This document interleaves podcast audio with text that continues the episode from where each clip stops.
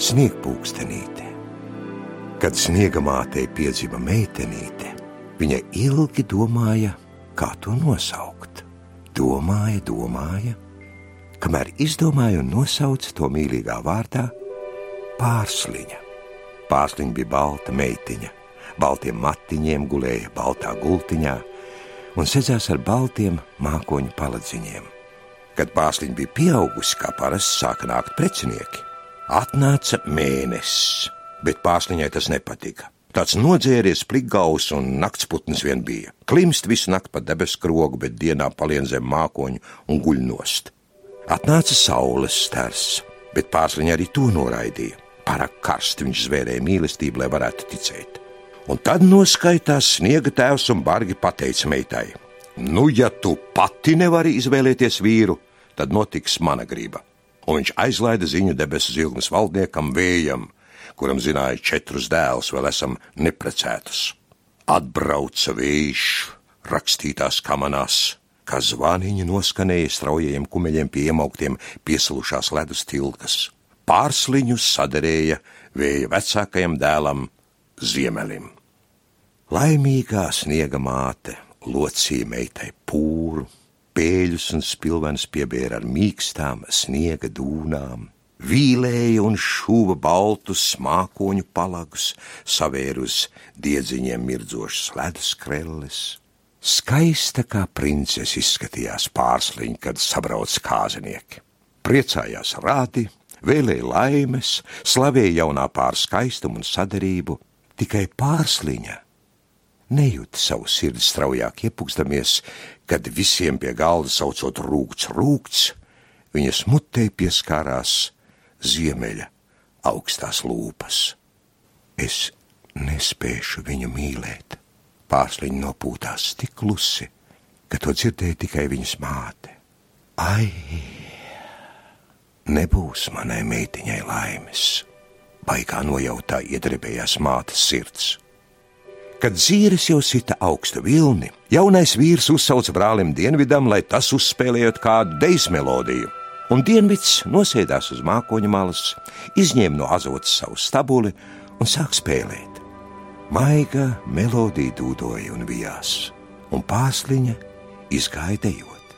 Viņa griezās un virpuļoja, piesistām savu sidrabu kurpīšu skanošos papēdīšus, bet aušīgais dieveris austrums sita plaukstas un smējās. Tikai skumjais rietums sadrūma ar vien vairāk. Līdz sāk raudāt, atspiedas galvu pret tēvu plecu. Mans dēls, kāpēc tu raudi tik jautrā brīdī? Es gribu zināt, kāpēc tu pārsliņi ieprecināji brālim, nevis man. Kāpēc man nepūs tik skaistas sievas, šņukstēja rietums? Tagad arī dienvids pacēla savu zilās acis pret pārsliņu, un tās sastapās ar jaunu zirgstošo skatienu. Dienvidu stabuli sāk skanēt vēl maigāk. Tā dziedāja tikai pārsliņai, un pārsliņa dejoja tikai dienvidam. Sniega māte zem galda paslēpes lauzīja rokas, jo kas gan notiks, kad to pamanīs niknais un straujais ziemelis? Meitiņa, meitiņa, valdi savu sirdi. Bet kas vairs var savaldīt sirdi, kad tajā pamodusies mīlestība? Vai pārsliņa būtu spējusi to, ko nespēja cilvēki. Ne jauni, ne veci, ne muļķi, ne pasaules gudrie.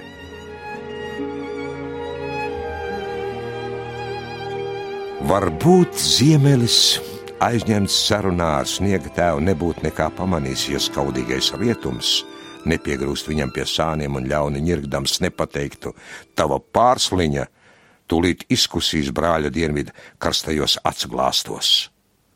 Bija to dzirdēt ziemelim.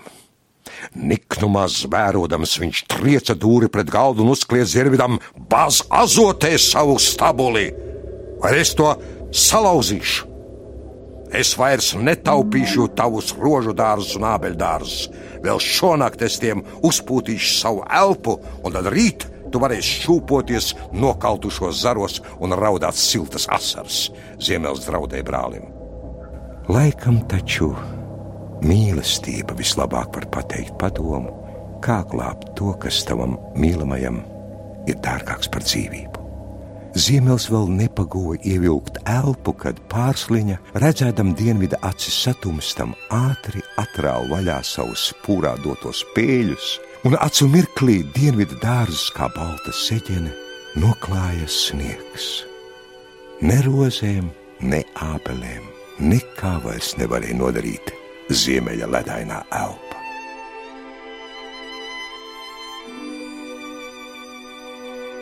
Kā prātu zaudējis, Ziemels tagad mēģināja atriepties pārsliņai. Viņš atvēzējās pret viņu ar savu pātagu, bet pārsliņi veikli izvairījās. Tad Ziemels nosvieda pātagu un metās uz pārsliņu. Kāzas beigušās, viņš kliedza. Tagad es tevi vedīšu uz mājām un ieslēgšu tumšā pagrabā. Tur tev sagrauzīs žurkas un peles tu, nepaklausīgā sieva. Laikam taču arī dienvidam Mīlestība pateica, kā glābt to, kas viņa sirdī bija kļuvis dārgāk par dzīvību. Viņš pieskāva sev pie krūtīm pārsliņu un lidoja ar to uz saviem dārziem. Ziemelis iegautojās kā izšauts vilks un neaizmirsis pagrābt pātagu dzinās viņiem pakaļ. Sarkanas svītras zibēja tumšajās debesīs, kur gaisa kapāja ziemeļa pātaga, bet viņa aurošana tricināja gaisu kā pērkona grāvieni. Bet kur varēja dienvids noslēpt pārsliņu no ziemeļa dusmām. Viņš nolika to zem rožu krūma un teica, lai pagaidot viņu te, kamēr viņš izcīnīšot grūto divkauju ar brāli. Nē, noskūpsti mani pirms aizem, mans mīļais, mans vienīgais, un es tevi gaidīšu te kaut visu mūžu. Un dienvidvējš skūpstīja pārsliņu maigi un ilgi līdz jūta, ka mīļotā saplok viņas kavās un kā rasas piliens norit un saplūst ar zemi.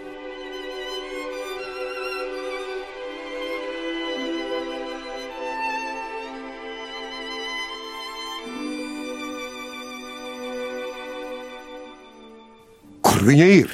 Kur palika viņa? Purinādams brāli tincināja pieskrējušais ziemelis. Es redzēju, nu pat tu viņu skūpstīji. Ak, brāli, nav mums vairs ko naidoties. Skumji atbildēja Dienvids. Lūk, tur viņa tagad guļ. Kā rases piliens, kā asara, savienojusies ar zemi.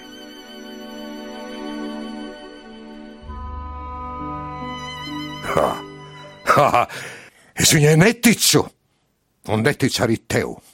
Zobus griezdams atbildēja Ziemelis lai viņa nekad nevarētu celties, es viņai uzvelšu ledusvāku. Reiz pa reizei dienvidvējš iet aplūkot savus rožu dārzus un ābeļdārzus, un lai tas ir ziemas vidū vai agrā pavasarī, pārsliņa jūt viņa tuvumu. Ar savu elpu atkausē ledusvākā mazu lodziņu un papāž kauviņu, lai ieskatītos savā mīļotā zilajās acīs. Bet cilvēki, kas ierauga mazo baltgalvīti, nes kāpēc kļūst priecīgi un stāsta citam kā lielu notikumu. Tu zini, dārzā jau uzziedējusi sniegpūkstenīt.